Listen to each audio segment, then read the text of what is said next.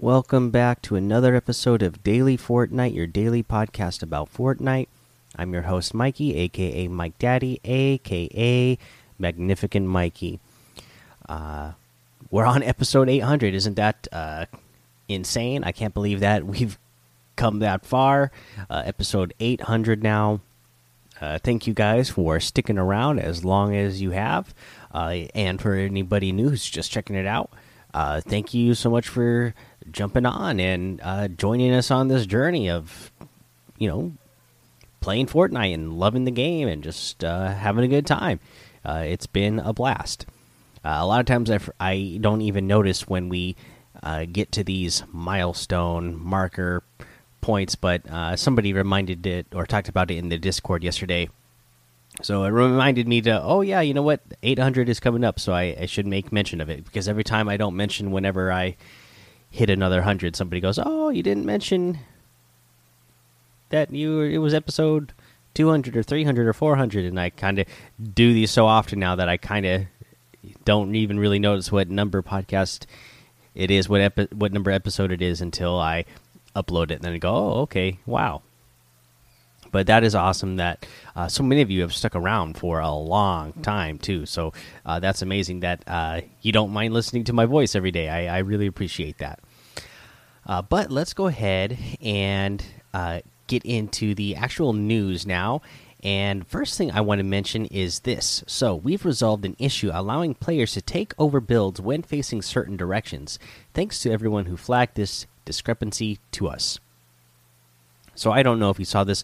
I believe I saw this video going around yesterday, but apparently there was some new bug that was figured out that if you were facing north, if your character was looking in the north direction, you would take builds every single time. So that means, you know, anytime you were trying to break into somebody's box, uh, as long as you, you know, ran to the side of the other person's box so that your character or ran to the side of the box uh, to where your your character would be facing north, you would end up taking the builds 100% of the time. Uh, I don't know why or how that happened, but it happened, and uh, they have fixed that, so that will no longer be a thing. It's you know it's supposed to be a coin flip uh, from the update that they made quite some time ago now. Uh, that you know, because the ping was having such a high control over who would win builds, they, you know, they made it into a coin flip. That way, ping would have less of an effect.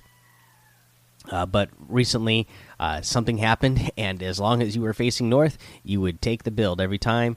Uh, but they went ahead and fixed it already. So uh, glad that it's fixed. Uh, what else do we have for news today? Oh, okay, yeah. So uh, Christopher Nolan, great director, right? Uh,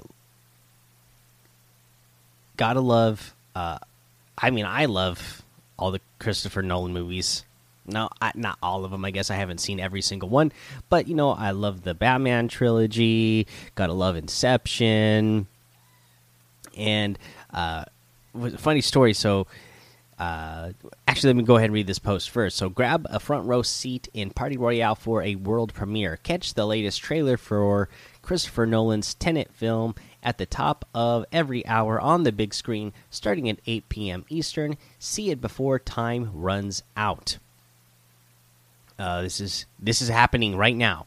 Uh, this is something that they uh, just uh, ran, seems like they randomly decided to do. So you you'll jump into Party Royale now to catch the premiere of the newest trailer for Christopher Nolan's Tenet film.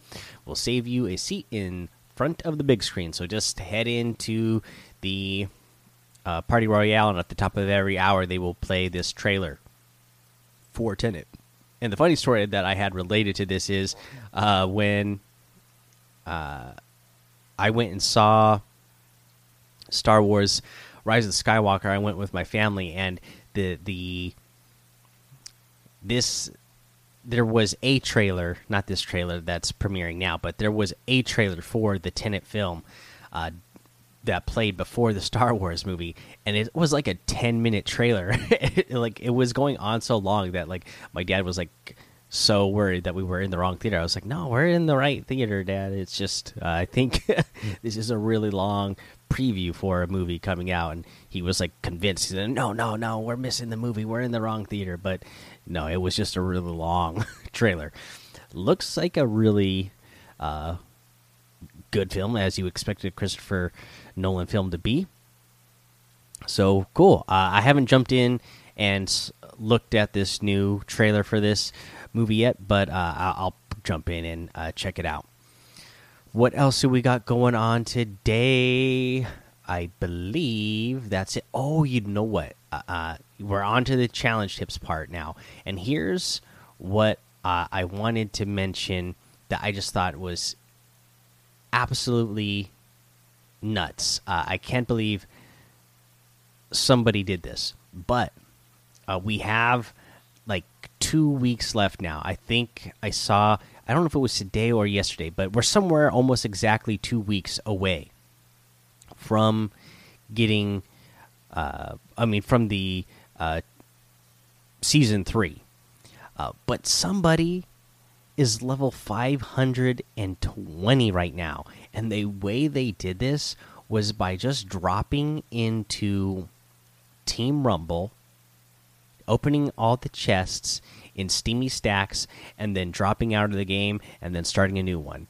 And then doing the same thing going to steamy stacks, opening all the chests, dropping out of the game, starting a new Team Rumble, going in to steamy stacks, opening all the chests, dropping out, and just repeating that process over and over. Apparently, doing that for hours on end every day, but it got him to level 520. So if you are looking at the time and you're like, oh my gosh, like I am running out of time uh, on getting my battle pass up, or I I'm running out of time to get my battle pass high enough to unlock the gold version of whatever outfit it is, you you could do this.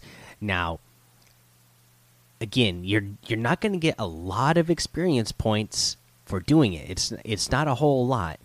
But the point is is that you drop into the game, get a bunch of experience points and then drop out and then start a new one and you do it you know over a long period of time your experience points really add up. And because you know normally you would play out a single match you would get a few thousand experience points right?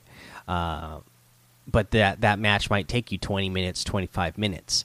Uh, but if you do this method you're gonna get uh, we uh, thousands more uh, experience points in the same amount of time so that's the, the that's the point of doing it uh, doesn't sound like it would be a whole lot of fun but if you're desperate it's something you could do. uh, but yeah, so there's there's that for the challenges. Let's go ahead, take a break here, and then we will come back. Uh, and I believe I think I'm just gonna go over the item shop today. All right, let's go ahead and take a look at what we have in the item shop today. We have the ninja bundle in here, so you get the ninja outfit. You get ninja Ninja's Edge back bling. You get dual katanas harvesting tool and the ninja style emote. You can get all of that in the bundle for 1000 Oh, uh, you get it for a cheaper price. It doesn't show me what my total what the normal total is because I already own the emote so right now it cost me one thousand seven hundred. So no, wait, it says here I see now. So it would be two thousand three hundred is what it would normally be if you get the bundle. It's one thousand seven hundred for me because I already own the emote.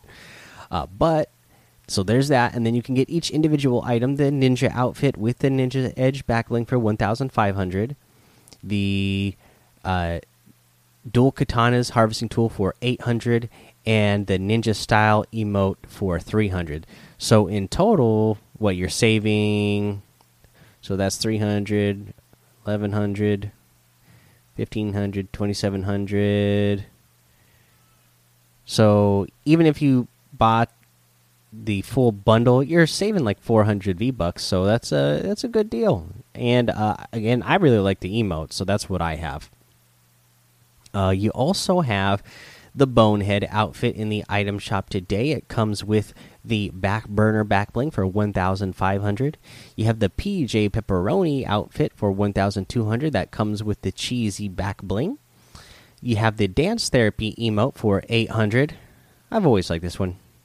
Uh, you have the pizza party emote for 200 the plunger harvesting tool for 800 uh, another ninja classic item and the whiplash outfit for 800 v bucks you can get any and all of these items using code Mike Daddy M M M I K E D A D D Y in the item shop, and some of the proceeds will go to help support the show.